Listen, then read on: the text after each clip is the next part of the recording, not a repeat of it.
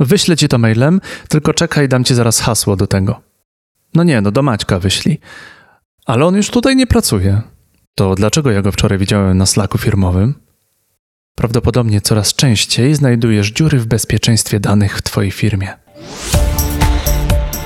Escola Mobile. Biznes masz w kieszeni. Czy Twoi klienci wciąż drukują umowy, podpisują je i wysyłają z powrotem, korzystając z usług kuriera? Jeśli tak, to znalazłeś kolejną dziurę w bezpieczeństwie obiegu dokumentów w Twojej firmie. Czy to jest nasze przyzwyczajenie, że umowa musi być wydrukowana, a podpis i pieczątka postawione? Jest przecież podpis cyfrowy, jest przecież paperless, dzięki któremu tworzymy umowy cyfrowo, bez potrzeby drukowania, a gdy podpisujemy je, mamy pewność, że robimy to z odpowiednią osobą. A jak jest z dostępami? Tak, z ręką na sercu. Co się dzieje z firmową pocztą albo wewnętrznymi informacjami, gdy pracownik opuszcza firmę? Traci dostęp w momencie zakończenia pracy, czy może tak przy okazji czyszczenia kont gdzieś tam 3 czy 5 miesięcy później? Naszym gościem jest Jack Piekarski, który opowie o bezpieczeństwie, onboardingu i offboardingu. Wszystko w kontekście obiegu danych. Wersję wideo tej rozmowy znajdziesz na naszej stronie escola.pl. Dzień dobry, dzień dobry. To jest Escola Mobile Live. Witam cię serdecznie. Jack jest ze mną, Piekarski. Taki, takie niestandardowe imię jak na Polaka. Powiedz, jak to się stało. Jo, hej Krzysztof i dzień dobry też. Um, długa geschichte, znaczy długa historia, ale krótko powiedziana. E, urodzony zostałem w Polsce, e, w okolicy Olsztyna. E, potem rodzice mieli za dużo stresu z e, polskim SB.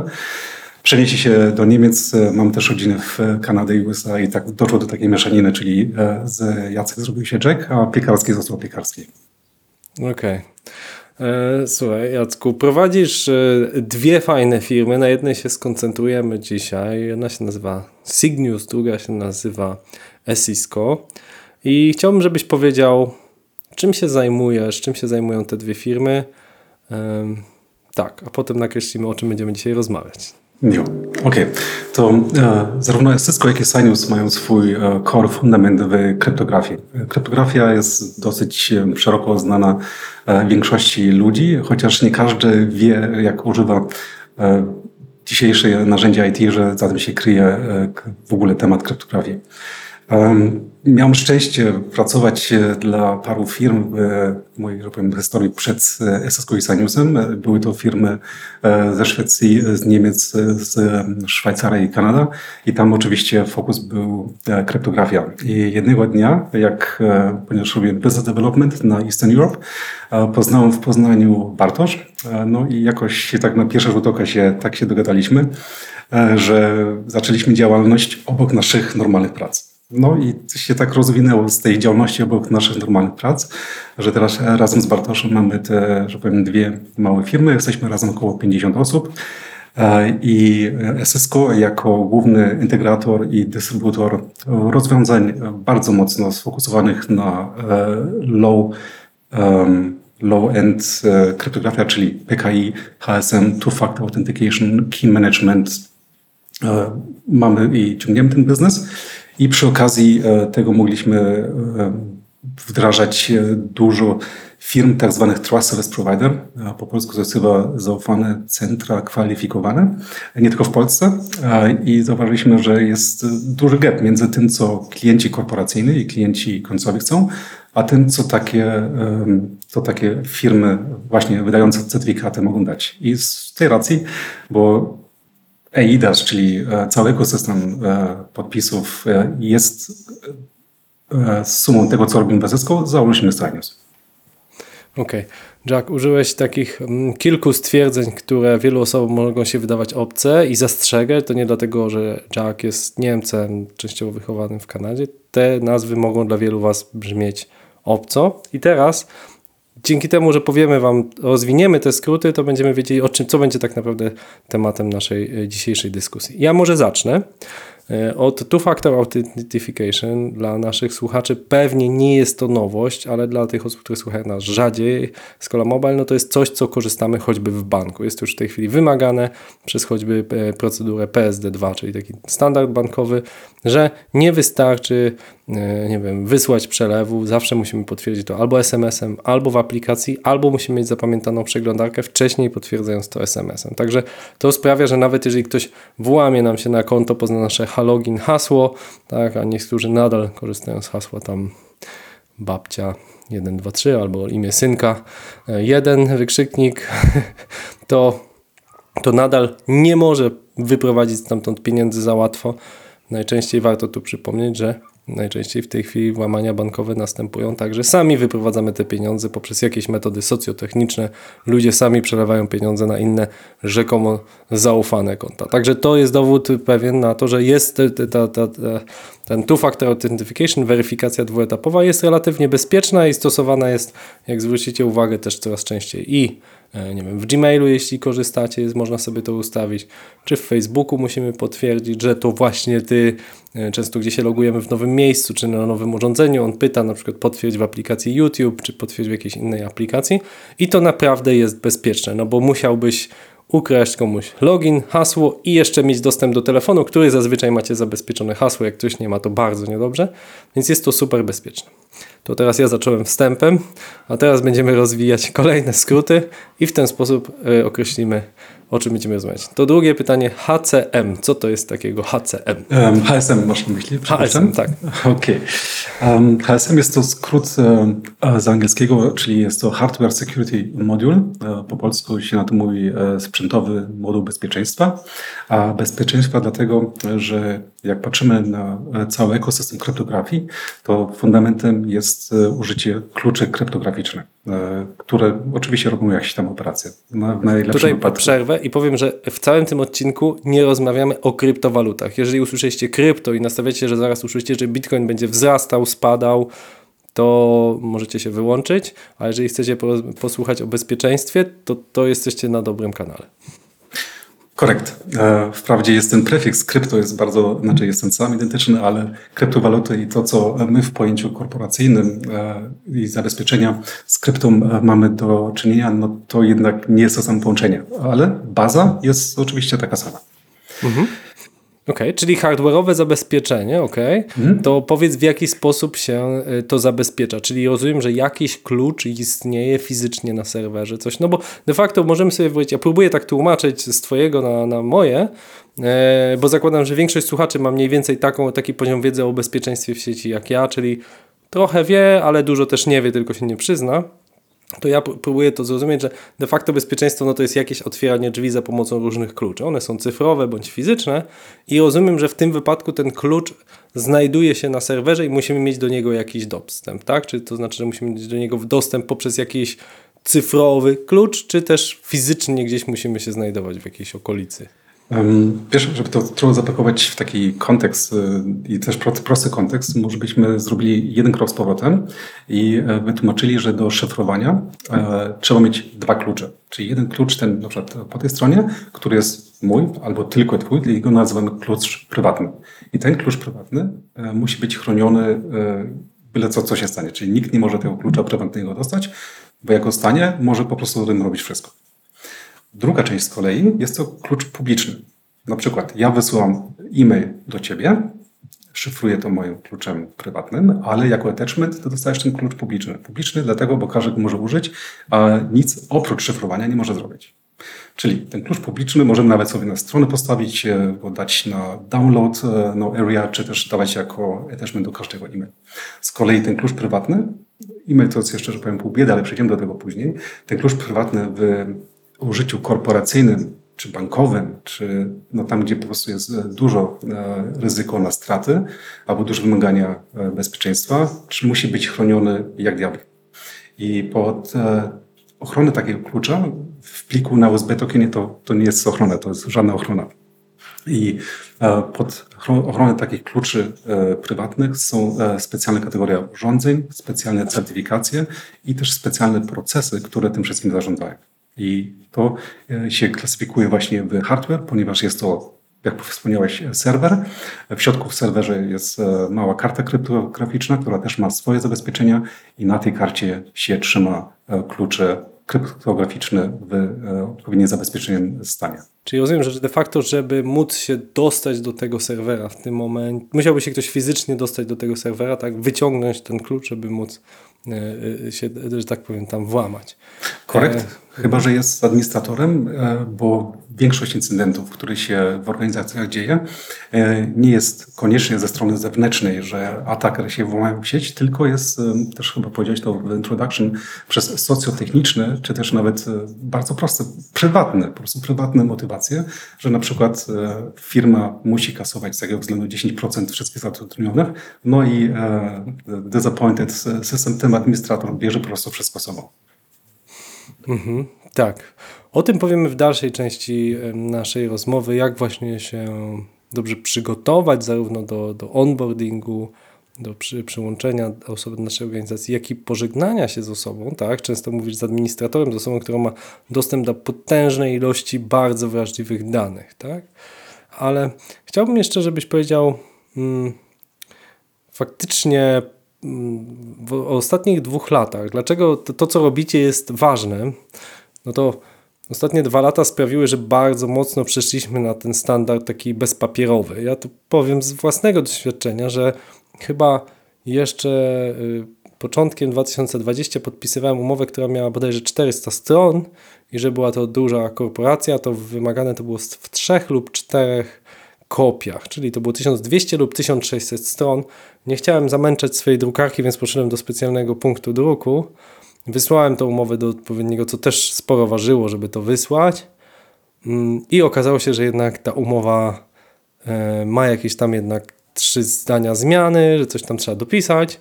No i ogólnie całe te 1600 stron poszło w błoto. Było mi wtedy szalenie przykro, bo pamiętam, że to było jakoś przed świętami, ja się śpieszyłem, zajęło mi z dwie godziny, żeby to wydrukować.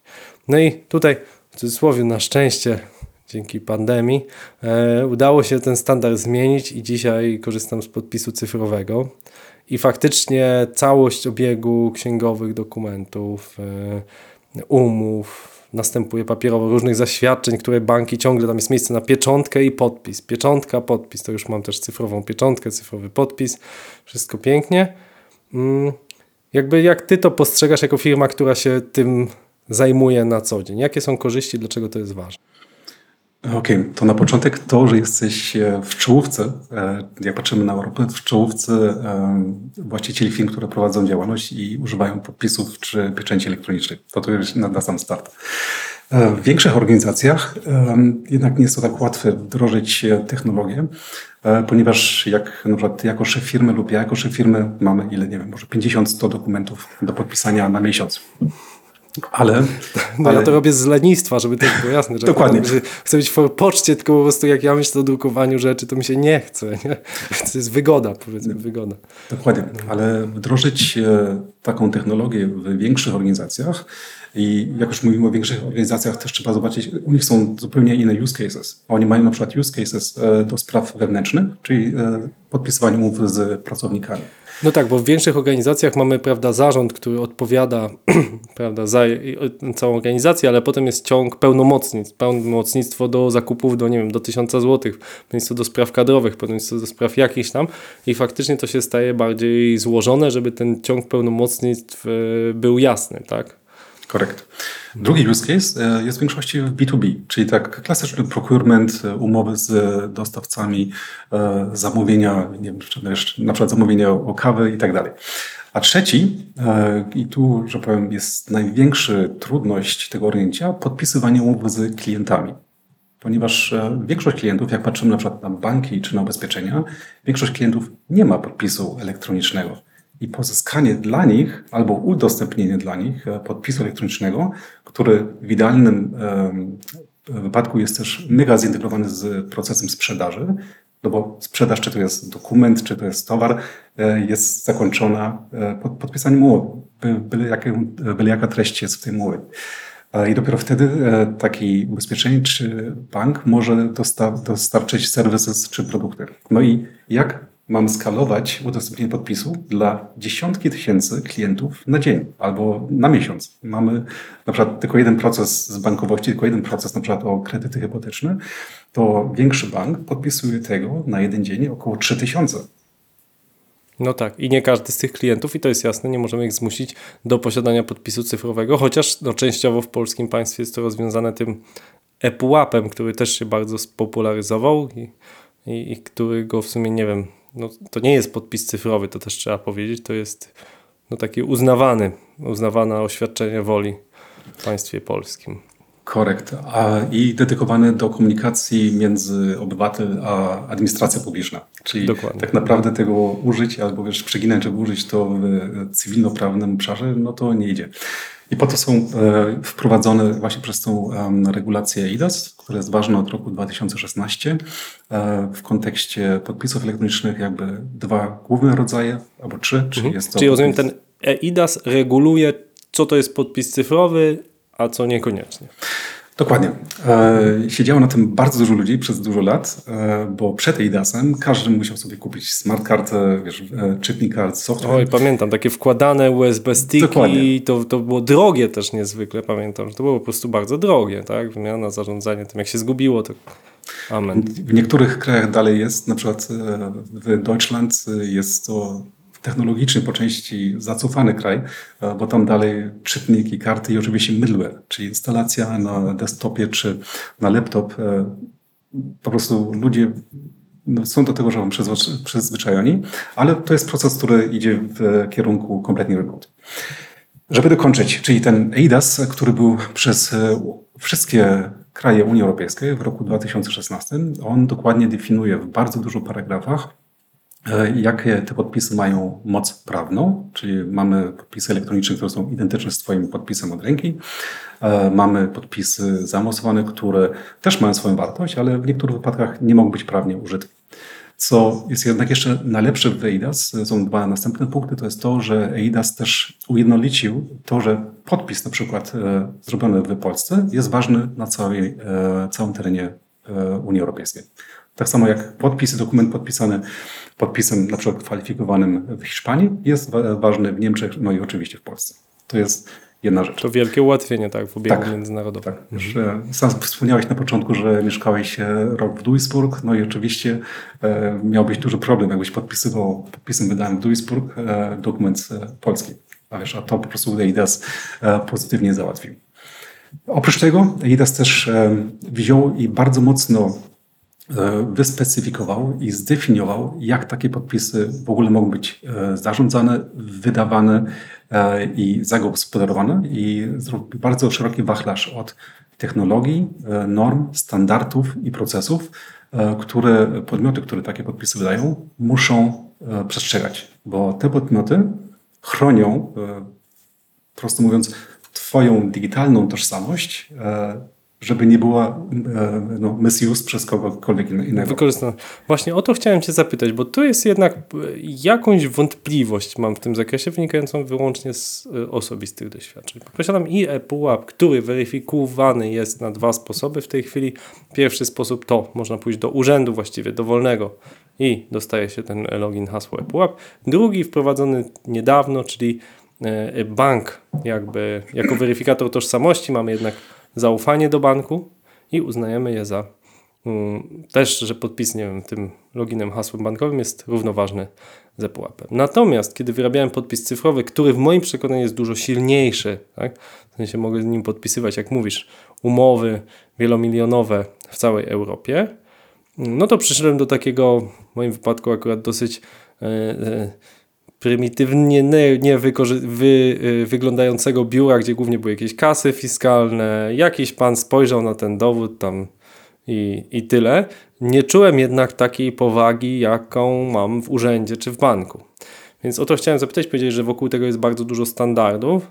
Czy faktycznie te firmy muszą mieć jakieś wyjątkowe zabezpieczenie? Krótko mówiąc, żeby ktoś, jeżeli skradnie mój fizyczny dowód, co nie jest bardzo trudne tak, w dzisiejszych czasach, pójdzie z nim do jakiegoś punktu, gdzie można robić cyfrowy podpis, będzie mógł się podpisywać jako ja nad dokumentami. Jak to, jak, jakie tutaj są e, takie policy, jaki tu jest standard, żeby to było zabezpieczone?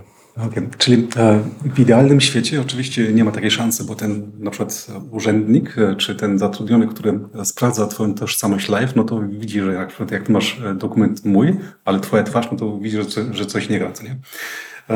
Ale zaczyna się problem robić, jak się weźmie na przykład dokument kolekcjonerski, który ma na przykład, wiesz, no, twoją twarz, ale moje dane to wtedy już taki, że powiem, normalny człowiek, niewyszkolony na sprawdzanie wszystkich tych dokumentów, a to w zależności od dokumentu jest mniej więcej 16 do 25 punktów, jak taki wyszkolony identyfikator to sprawdza, no to nie jest to taka fizyczna e, tożsamości, mimo że jest odczuwalna o wiele, że powiem, lepsza i bezpieczna, no bo wiesz, nie robimy kopii dowodu, chociaż urzędnik i tak to zrobi, ale nie przekazujemy go przez online. Czyli zaufanie między człowiek a ten urzędnik jest o wiele większe, mimo że e, jakość sprawdzenia jest o wiele mniejsza. I też, żeby to zaadresować, e, są rozwiązania, które e, w kontekście to jest tak też jak mikrosystem w całym EIDASie. Jest to, e, nazywa się to proces e, onboardingowy, czy proces KIC, Know Your Customer, e, albo też bardzo konkretnie w podpisach jest to Identity no, Verification, które też jest mega nadzorowane przez odpowiednie podmioty. Musi co dwa lata robić audyt, mają odpowiednie procesy i odpowiednie wytyczne. Także takie firmy, które te wszystkie szczeble przeszły, żeby móc zrobić e, łatwiejsze, wygodniejsze remote identity confirmation jest e, dosyć mało. Ale e, dalej jest zawsze ten ludzki faktor, że wiesz, nie ma, znaczy nie wszyscy mhm. są super, super otwarci na to, żeby włączać kamerę, pokazać no, przednią stronę dowodu, tylną jeszcze z kimś rozmawiać. Mhm. Mamy takie cases. No tak, właśnie tutaj opowiadasz o takim relatywnie nowym aspekcie i tutaj mamy pewne powiązanie wyjątkowo z kryptowalutami, bo faktycznie jeśli chcemy założyć jakieś konto na, no nie wiem, choćby jakiejś giełdzie kryptowalut, to następuje coś, czy, czy, czy w banku, e, choćby w, mieliśmy tutaj też Karola Sadaja z e, prezesa Ion Banku, tak, gdzie całkowita weryfikacja następuje poprzez telefon. Ja ten proces sam przeszedłem, e, byłem użytkownikiem e, tego banku i faktycznie wszystko odbywa się poprzez aplikację, upload dokumentu, jakąś rozmowę weryfikacyjną i tak jak mówisz, Jack, e, pokazuje się dowód gdzieś tam do kamerki, ktoś to ogląda, sprawdza, czy to faktycznie jesteśmy my. Mm, I mówisz, że jakby jest procedura na to, czyli ta osoba jest odpowiednio przeszkolona, żeby wykryć ewentualnie, to nadal jest człowiek, tak? To nie jest tylko AI, jest, jest to nadal człowiek, który ma sprawdzić. Rozumiem, że dodatkowo pewnie istnieje jeszcze baza, tak, gdzie są jakieś tam skradzione dokumenty tożsamości, do której można e, zajrzeć, tak? Czy jest, jest coś takiego? Tak, no bo, no bo prawda, jeżeli uploaduję jakiś dokument, tak, no to zdarza się, że ten dokument, no mimo, że termin ważności jest napisane, że ważny, to nie jest ważny. Czy istnieje jakaś taka baza, do której się odwołuje? Znaczy, są takie bazy danych w, każdym kraju. Są to chyba baza danych e, dokumentów zastrzeżonych. E, to oczywiście mhm. na e, poziomie nacjonalnym, ale mamy też oczywiście bazę danych na przykład w Interpol, jak ktoś jest szukany, czyli to jest jedna mhm. rzecz. Choćby, nie? No. Ktoś chce ale... założyć, wyprowadzić pieniądze, a tu jest ścigany. Dokładnie, dokładnie. Ale jest jeszcze jeden ważny aspekt, ponieważ mm, KIC nie jest KIC. Krótko mówiąc, proces potwierdzenia tożsamości, na przykład użyty do otworzenia konta w banku, czy do otworzenia Bitcoin account, czy też e, jak się robi zakłady na sport e, w takich instytucjach, czy też na przelewy, na przykład, już zapomniałem tą firmę, wiesz. Western Union na przykład? Tak, tak, dokładnie tak. Mhm. To jest proces bardzo podobny, technicznie też prawie identyczny, ale ten proces identyfikacji nie może być użyty do wydania podpisu kwalifikowanego, który, jak pamiętamy, jest Twoją e, podpisem od ręki. Mhm. Tutaj kwestia właśnie audytów, certyfikacji i bezpieczeństwa. Okej, okay, czyli tu mówiliśmy EIDAS, tak, o tym standardzie, czy jakby to, że stosuje, no wiem, tam nie wiem, Binance, czy jakaś inna giełda, stosuje KYC, to broń Boże nie jest to samo, co podpis cyfrowy. Racja. Mhm. Są to dwie różne rzeczy. rzeczy. Mhm. Oczywiście już mamy takie, że powiem, idzie to, znaczy jedno idzie ku drugiemu, bo oczywiście ten proces weryfikacji pod EIDASem, okej, okay, on jest trwa trochę dłużej niż ten standardowy KIC. Ale po drugiej stronie, e, e, dokładnie, ale też na przykład, e, zobacz, jesteś, otworzyłeś konto w banku dzisiaj. Chcesz za tydzień coś podpisać, to musisz drugi raz przejść przez podpis, znaczy przez proces weryfikacji zgodny z EIDAS-em. Tak. Potem na przykład tydzień później otwierasz nowe konto na Bitcoin Exchange.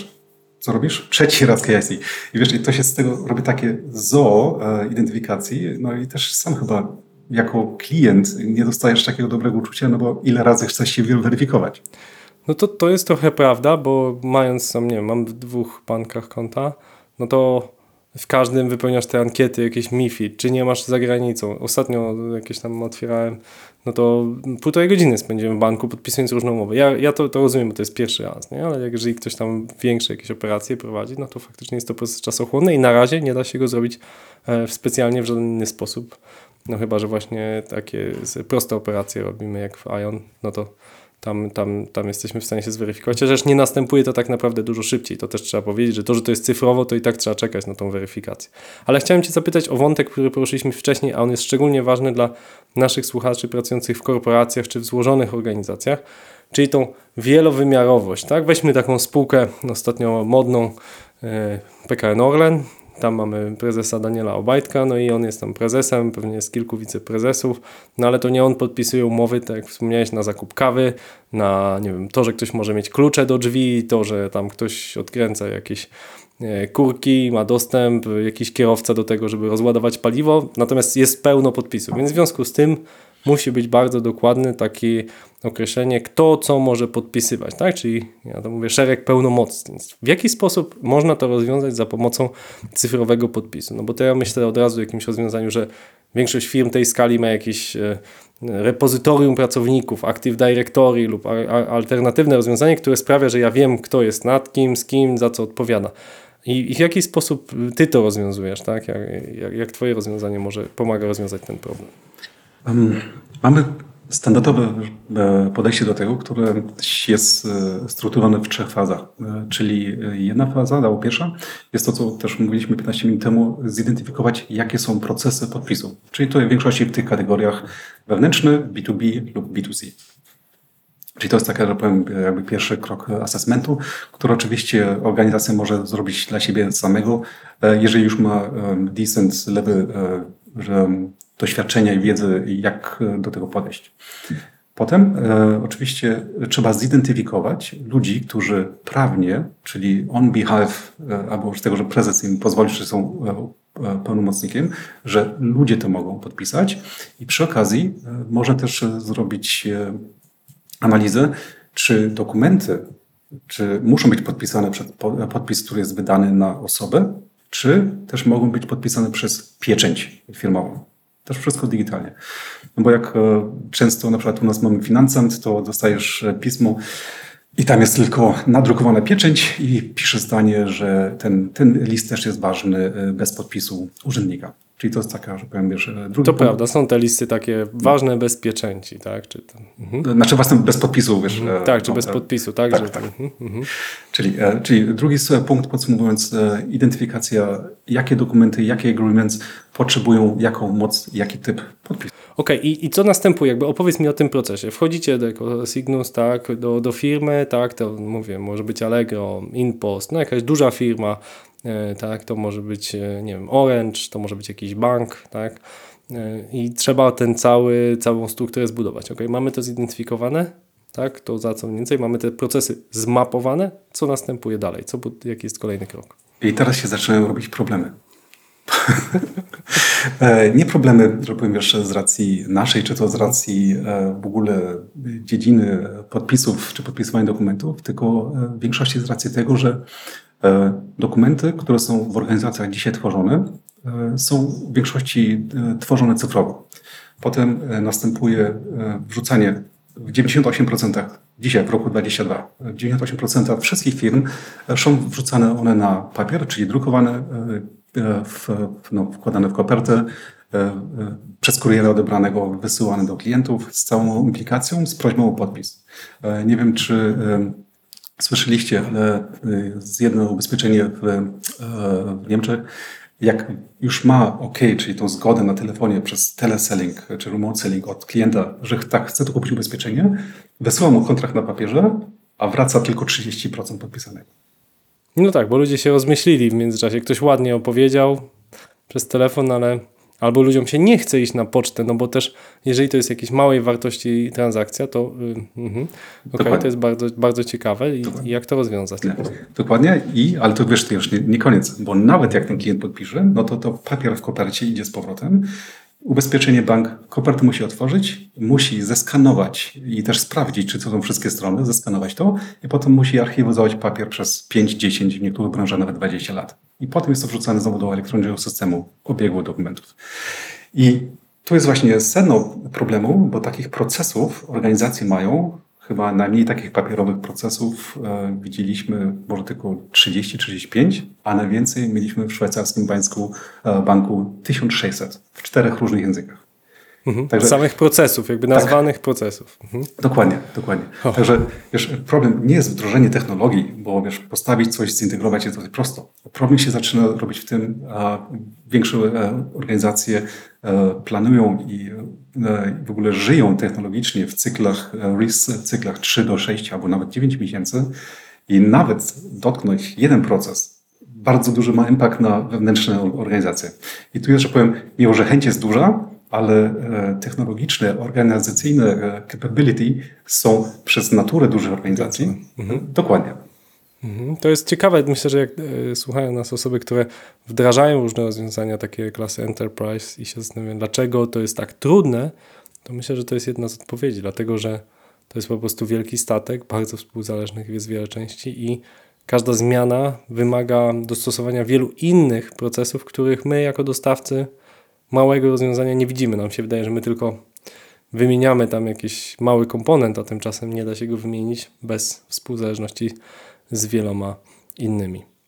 E, Okej, mów, mów, czyli okej, czyli w- w- próbujemy zmapować, to mamy to zmapowane. Mówi, że technologicznie to nie jest wyzwanie. Mi się wydaje, że o tyle czasem jest, że w każdej organizacji jest, e, nawet średniej już, jest dosyć niejasne, kto za co odpowiada. To znaczy są takie jasne, tak, jest dział sprzedaży, no to dział sprzedaży sprzedaje, no ale dział sprzedaży wycenia, więc musi to wycenić jakaś produkcja, tak, jakiś, jakiś dział delivery. I tutaj jest jakaś taka zawsze zagwozdka, czy delivery będzie bardziej dbało od siebie i jakby przeszacowywało i zmniejszało szanse działa sprzedaży, że to sprzeda ze względu na wyższą cenę, czy będzie jednak, kto, kto będzie o tym ostatecznie decydował, tak? I to zawsze są takie działania na styku różnych departamentów, co jest, y, no, stoi kością w gardle mm, organizacjom. Jak, czy, czy, czy to da się w jakiś sposób systemowy rozwiązać? Em, To, to wiesz, tylko mogę potwierdzić, tylko mogę potwierdzić to, co powiedziałeś, e, bo też mamy tak powiem, różne kategorie klientów. No, U niektórych e, biznes, w większości jest to online biznes, który sprzedaje produkty czy serwisy online, krzyczy mówi, potrzebujemy e, podpisywać umowy zdalnie, bo nam to zwiększy conversion rate, przyspieszy proces sprzedaży, ułatwi nam kompletnie życie, zredukuje koszty. Co wiesz, to idzie w większości na e, no, board meeting, e, na slajdach wszystko wygląda super i potem jak jest zatwierdzone na górze, przynajmniej żeby wiesz, się tego e, przybliżyć, znaczy przyjrzeć bliżej, idzie to do IT department. A IT department, sam wiesz, pracowaliśmy i pracujemy z takimi, znaczy ze wszystkim, ma zawsze inne priorytety. I wiesz, jest, wpada to w backlog, no i potem po prostu leży. Także w większości zauważyliśmy, jeżeli taki proces e, zdigitalizowania, e, podpisywania umów albo dopinania umów e, nie jest patronowany. E, Nawet tak, że powiem, byśmy zaczęli tylko jednym procesem z tych 1600, ale jak on nie jest patronowany przez naprawdę wysoki C-level, to w większości to gdzieś po prostu znika, bo każdy ma swój daily duties, daily life, daily objectives, no i nie wiem, czy dział sprzedaży się może wewnątrz organizacji tak e, przebić, żeby po prostu to, co było ustalone w celach biznesowych, też potem będzie wdrożone e, w strategii i procesach technologicznych. Czyli bez wsparcia zarządu niestety ciężko o sukces takiego wdrożenia. E, Wyjątki są, że ma się, że powiem, em, end-to-end procesy, czyli że proces jest gotowy w IT i na przykład jakiś dział jest powiem, jakby wyspą i on może w swoim zakresie zarządzać, bo ma na przykład tylko jedną aplikację, która się na zewnątrz integruje, to wtedy to idzie dosyć szybko. Okej, to też jest cenna lekcja, czyli warto mieć wydzielone procesy, bo wtedy większa szansa, tak mówisz end-to-end, że no, jesteśmy takim królestwem, które się podłącza dopiero do innego królestwa z jakąś tam szynę informacji danych. Okej, Jack, chciałbym przejść do drugiego tematu naszej rozmowy, czyli właśnie tego onboardingu pracownika. No to przez dwa lata się tu niezwykle zmieniło.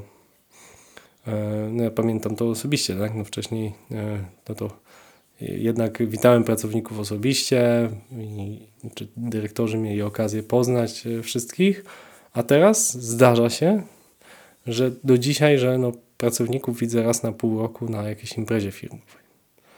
Mm. I na przykład oni już pracują 5 miesięcy i ja dopiero ich poznaję pierwszy raz na żywo, face to face. E, Mamy taką tradycję w Escola, że raz na miesiąc mamy takie dzwonki ogólnofirmowe, gdzie witamy nowe osoby. To jest też ważny taki element, żeby opowiedzieć jakieś historie. Już wspominałem tu na antenie, że na przykład chyba najciekawszą słyszałem, że mamy pasjonata takich komór, gdzie można floatingu, czyli można takiej soli fizjologicznej w temperaturze ciała przebywać. No i to się, to, to można różne ciekawe historie wysłuchać i to jest też uważam ważne, poznać trochę e, pracowników. No ale nie zawsze mamy takie możliwości, więc teraz pytanie, jak w sposób cyfrowy skutecznie wdrożyć pracownika do firmy? Czyli to jest taki e, klasyczny use case wewnętrzny organizacji, e, który pod tym też umbrella onboarding e, bardzo dużo poszczególnych i większości na wyspie żyjących rozwiązań technologicznych ma. E, Weźmy na, na przykładzie właśnie onboarding nowego pracownika, e, czyli, który się w ogóle nie kończy na tym, że dział HR podpisze z nim umowę. To jest dopiero począt- początek całego, że powiem, całej wyprawy wewnętrznej. W większości Są to activities e, z utworzeniem tego pracownika jako digital identity, na przykład po to, żeby mógł się zalogować do e, komputera, na którym Okay, czyli mamy jakąś cyfrową tożsamość. To, to ja będę od razu tłumaczył z Twojego na moje. Okej. E, U nas mamy akurat wdrożony przez, przez Fly on the Cloud G Suite Google'owy, czyli jeżeli ktoś już ma konto w domenie Escola Soft, no to z tym się wiąże szereg uprawnień poprzez single sign-on, logowanie tym single, czyli że, że z jednym loginem i hasłem jest w stanie się dostać tak do Jiry, jest w stanie się dostać do różnych systemów zarządzania, e, jest w stanie się dostać do kanałów komunikacji na Mattermost, tak? Czyli to jakby to jest to digital identity. Pod spodem tak, ale Mhm. nie uwierzysz, ile firm e, tego nie ma. Mimo, że wiesz, jest łatwe do wdrożenia, powinno być, ale to są znowu te powody, które przed chwilą mówiliśmy. Nie, to nie jest łatwe i co więcej, my to wdrożyliśmy około rok temu. Dlaczego? Dlatego, że jeżeli ja miałem, ja to myślę, że ja będę takim dobrym case'em, żeby ilustrować to, czy, czy też Escola, bo zanim to mieliśmy i nie mieliśmy zintegrowanego single sign-on do wszystkich usług w Escoli, to jeżeli pracownik przychodził, to trzeba było mieć po prostu checklistę, czyli dałem do Jiry dostęp, czy dałem do Mattermosta, czy do systemu urlopka, czy do takiego, takiego, takiego. I tak samo przy y, ewentualnym odejściu pracownika odłączanie tej osoby było dosyć uciążliwe. I trzeba było o tym wszystkim pamiętać. Jeżeli ktoś zapomniał hasło, to nie mogło być tak, że zapomniał jedno hasło i administrator może natychmiast, tylko to jest, nie wiem, osiem haseł, które są potencjalne do zapomnienia. E, lub niebezpieczeństwo, że ktoś używa, broń Boże, jednego i różne systemy, które mogą, mogą to hasło tracić. Więc ja to zrobiłem podobnie jak z podpisem cyfrowym, tylko i wyłącznie z wygody, oszczędności kosztów zarządzania tym procesem. Nie? Um, Jest jeszcze jedna rzecz, która e, nam umknęła teraz w tej rozmowie, że ta tożsamość cyfrowa to też jest tylko połowa, ponieważ e, większość korporacji, mimo że mamy teraz efekty COVID i duże e, przesunięcie się na home office, to pracownik do biura czy do biur bez e, access card nie wejdzie. I na przykład Mhm, Fizyczne jakiegoś tam Dokładnie. plastiku. To, dokładnie. A, a tu wtrącę, jeżeli nas słuchacie teraz, to zobaczcie poprzedni odcinek z prezesem Teddy i to wdrożyliśmy dzisiaj, dokładnie zmieniamy zamki w Escoli na te, które będą poprzez telefon się otwierały same i zamykały i już nie ma kart. Więc to, to, to w ogóle tutaj podziękowania dla firmy Teddy, że nam to wdraża i to też jest ciekawe, jeżeli ktoś nas słucha, że można to dość łatwo wdrożyć, bo faktycznie to był kolejny ból głowy, klucze, karty, zgubienie, dawanie. Ludzie, większość osób pracuje zdalnie i tylko wpada do biura, e, więc ryzyko utracenia takiej karty jest e, wyższe, tak, niż jak ktoś przychodzi codziennie. A ty jesteś osobiście w bardzo dobrej e, sytuacji, bo wy z tego co pamiętam macie dwa biura, co nie? No, pięć w tej chwili. Okej, było, tak. to coś e, trochę outdated. Ale weźmy ubezpieczenia, średnie czy większe. Oni mają, jak wszystko skumulujesz razem, setki pięter, e, dziesiątki lokalizacji, no to też wiesz, już sam administrator, jakby nie było umbrella nad e, zarządzaniem e, tożsamością cyfrową, czyli Jira, Windows, SAP, cokolwiek i na przykład Simon, jak on by miał jeszcze się troszczyć ręcznie w zupełnie odrębnej aplikacji o wydawanie kart do Access i jeszcze być może do na przykład logowania do Windows, jak bo dalej duże firmy jadą na smart card, no to nie idzie spiąć bez dedykowanych ludzi, a i tak każdy musi oszczędzać, no to się po prostu rozjeżdża. I żeby e, to wszystko też spiąć razem, żeby na przykład był jeden centralny e, management interface, który pod sobą te trzy rodzaje systemów spina, e, nie tylko przy onboarding, ale przy maintenance, że tak powiem, pracownika. Klasyczny use case jest, że pracownik zapomniał portmonetki. Wiesz, dzisiaj nikt bez telefonu z nie pójdzie, ale portmonetka, czy ten corporate badge, który ma, zdarza się. No to, to co, czy pracownik będzie dzwonić przed bramą, czy przed drzwiami do administratora? No way. Tutaj jest na przykład user self-service, to znaczy, ten pracownik, który albo zapomniał PIN, albo zapomniał kartę, może sobie w user self-service kiosk e, dać radę e, wyrobić sam. No i trzeci e, punkt w całym takim lifecycle pracownika jest, co się z tymi wszystkimi uprawnieniami, czy to fizyczne, czy elektroniczne, dzieje jak pracownik opuszcza pracę. Bo mhm. wiesz, najbardziej prosto idzie oczywiście zrobić contract termination. No to, to, to, to przejdźmy, Jack, do tego yeah. płynnie. Okej, okay, dobra. Mamy, jest zawsze ta pozytywna historia, tak przyjmujemy nową osobę, ale jest też, wspomnieliśmy na początku, ten administrator, to już jest taka osoba niezwykle ważna. Czy, czy pracownik nawet administracji biurowej bardzo często ma dostęp do potężnej ilości danych, tak? Sprowadza realne zagrożenie przekroczenia RODO, tak? Gdzieś jakiegoś wycieku ma dostęp zazwyczaj do wielu poziomów uprawnień, no bo zazwyczaj osoba z administracji ma potężne uprawnienia. No i tak jak mówisz, może się zdarzyć, że będzie e, zadowolona, że będzie to bardzo miłe odejście, ale może się zdarzyć, że będzie to mało e, miłe odejście, no i wtedy trzeba zabezpieczyć interesy firmy, jak to skutecznie zrobić. Nie. Um, w większości offboarding e, elektroniczny, czyli zaktywowanie konta e, na przykład w Microsoft Active Directory czy w LDAP, które jest dużo aplikacji podłączonych, e, to idzie dosyć sprawnie, ponieważ dział HR mówi, ok, ten pracownik jest, już nie jest z nami od 1.7, no i to idzie ok. Duże problemy zaczynają się robić w aplikacjach, które nie są podłączone właśnie do tego ekosystemu, gdzie na przykład administrator czy business unit manager manualnie czy przez swojego lokalnego administratora e, dał mu e, uprawnienia. Czy systemy wewnętrzne, w których on ma swoje accounts. Następny mega problem i tu są jeszcze luki gigantyczne. Ta informacja, że ten pracownik już nie pracuje, bardzo rzadko dochodzi do tego działu, który jest odpowiedzialny za access control. To znaczy w najgorszym albo w najlepszym wypadku, zależy wiesz, z jakiej perspektywy, pracownik, który skończył dwa, dwa lata temu pracę, dalej ma dojść wejście do biura. Mhm. Tak, I tak, tak. Tu z perspektywy e, security policy i e, z perspektywy e, zarządu, który oczywiście nie może stać przy każdych drzwiach, no to to jest mega, mega nie, że powiem, niezręczne podejście do całego bezpieczeństwa i physical, i no tak, choćby, choćby powiedzmy sobie szczerze, mówimy o tych fizycznych kartach, tak? Każdy je ma, zresztą e, chyba przez parę prac, jak przechodziłem, zazwyczaj je zdawałem, ale na pewno znalazłbym gdzieś w kieszeni czy w pudełku ze dwie karty do jakichś biurowców warszawskich, e, które przez omyłkę wyniosłem właśnie w kieszeni. Ja nie wiem, czy one są, mają swoje ID-ki, czy niekoniecznie. E, no i, i teraz y, mówimy o tym, że w biurze przechowujemy masę dokumentów cyfrowych, papierowych i wejście takiego pracownika i wzięcie jakichś dokumentów nie jest całkiem e, wykluczonych. Tak?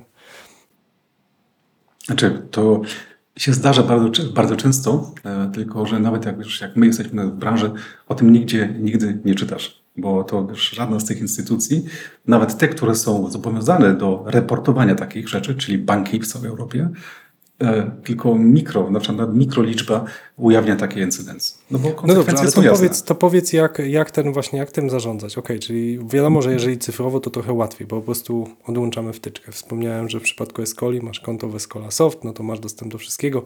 Jeżeli je zabieramy, no to w tym momencie automatycznie to tracisz. Natomiast jak można to e, to jeszcze, i, czy są jakieś inne elementy, którymi trzeba zarządzić tak typowo w organizacji przy offboardingu?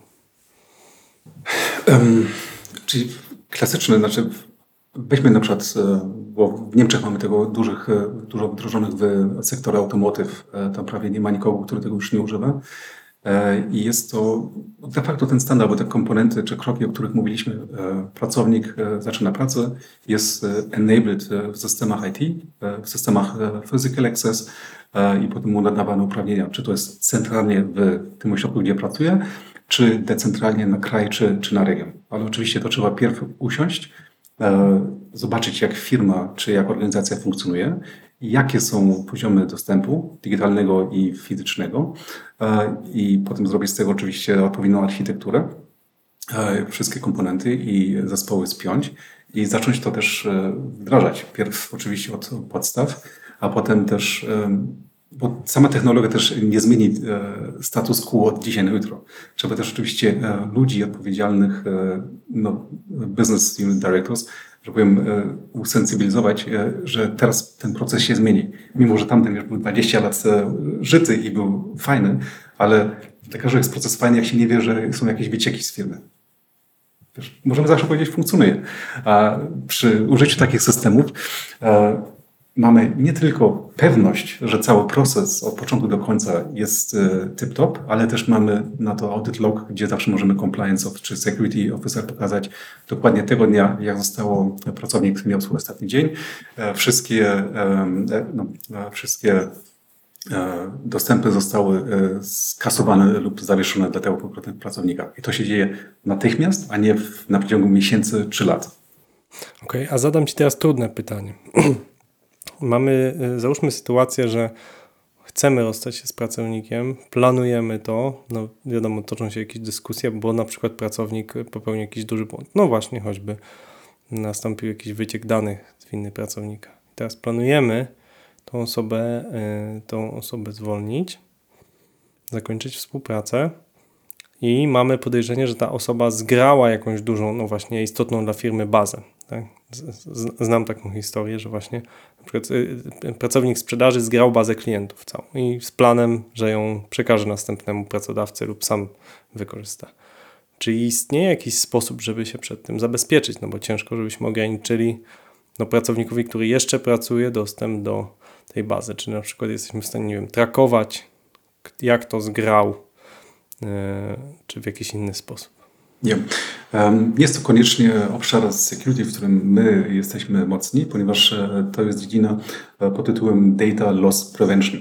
E, I one są albo wdrażane ogólnie w całej no, firmie albo w organizacji, która na bazie reguł i procedur i oczywiście no, traffic filtering patrzy i monitoruje na przykład, jaki użytkownik i jaką w większości jest to wielkość e, albo ilość danych, z jakich systemów, w jakim czasie e, ściąga. Czyli też można zrobić takie, że powiem, jakby e, widełki, gdzie na przykład ten DevOps Center wie, OK, tutaj nagle coś wyskoczyło, bo nie wiem, sales. No tak, bo to jest dziwne, czemu ktoś zgrywa całą bazę, bo w Dokładnie. większości faktycznie pracujemy na jakichś systemach. Nie wiem, w naszym wypadku to jest w przypadku klientów LiveSpace i faktycznie może można sobie zadać pytanie, dlaczego ktoś nagle zgrywa całą bazę, tak? No bo ten system nie wymaga zgrywania bazy do. Okay, I możemy w ten sposób, y, w razie czego jakoś przeciwdziałać, czy mm, jakąś rozmowę odbyć, albo zablokować taką możliwość.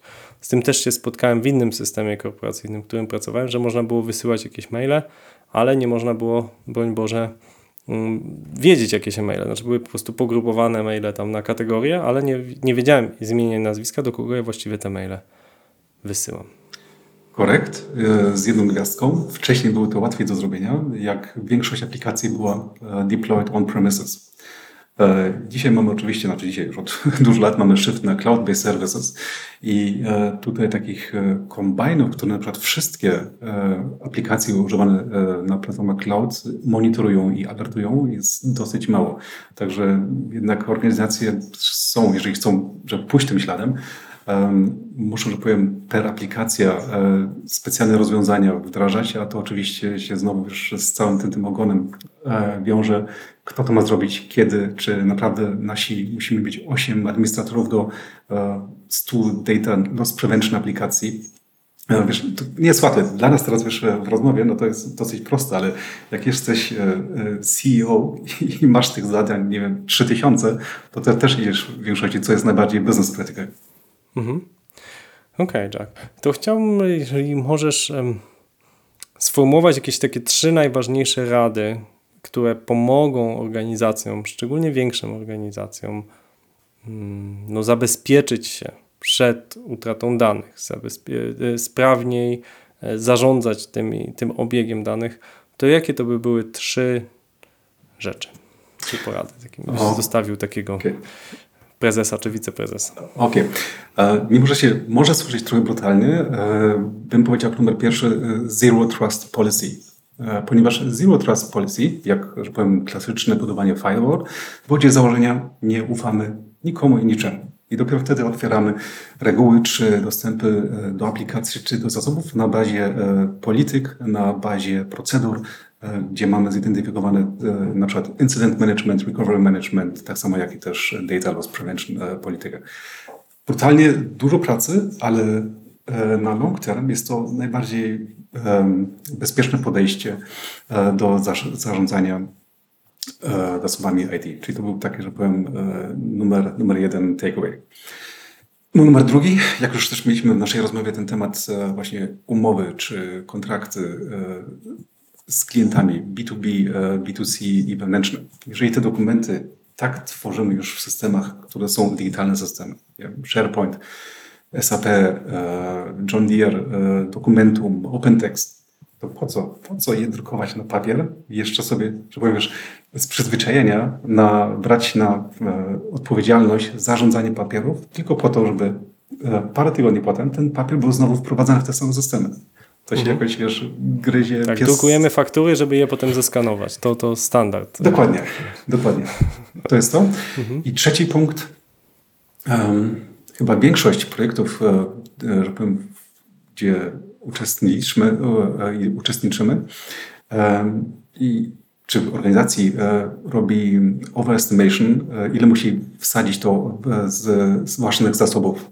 To znaczy, że nie powinno się z naszej perspektywy jako zewnętrzny e, doradcy i dostawcy wrzucać projektów na całą skalę globalną organizacji natychmiast, jak się nie ma z tym na przykład doświadczenia, albo jeśli ma system, który już jest 10 lat i teraz nagle mówimy, OK, e, za rok chcę, żeby na całym świecie e, nasza firma używała nowego, systemu. To w większości ląduje na ścianie, bo organizacja, ludzie, procesy w ogóle do tego nie są przystosowani. Także że tutaj też e, mam taką ra- radę w większości, zróbmy proces albo koncepcję globalną, ale zacznijmy na przykład lokalnie żeby się nauczyć i wyciągnąć wnioski, jak wdrożyć to potem e, na, e, no, e, na globalnym level.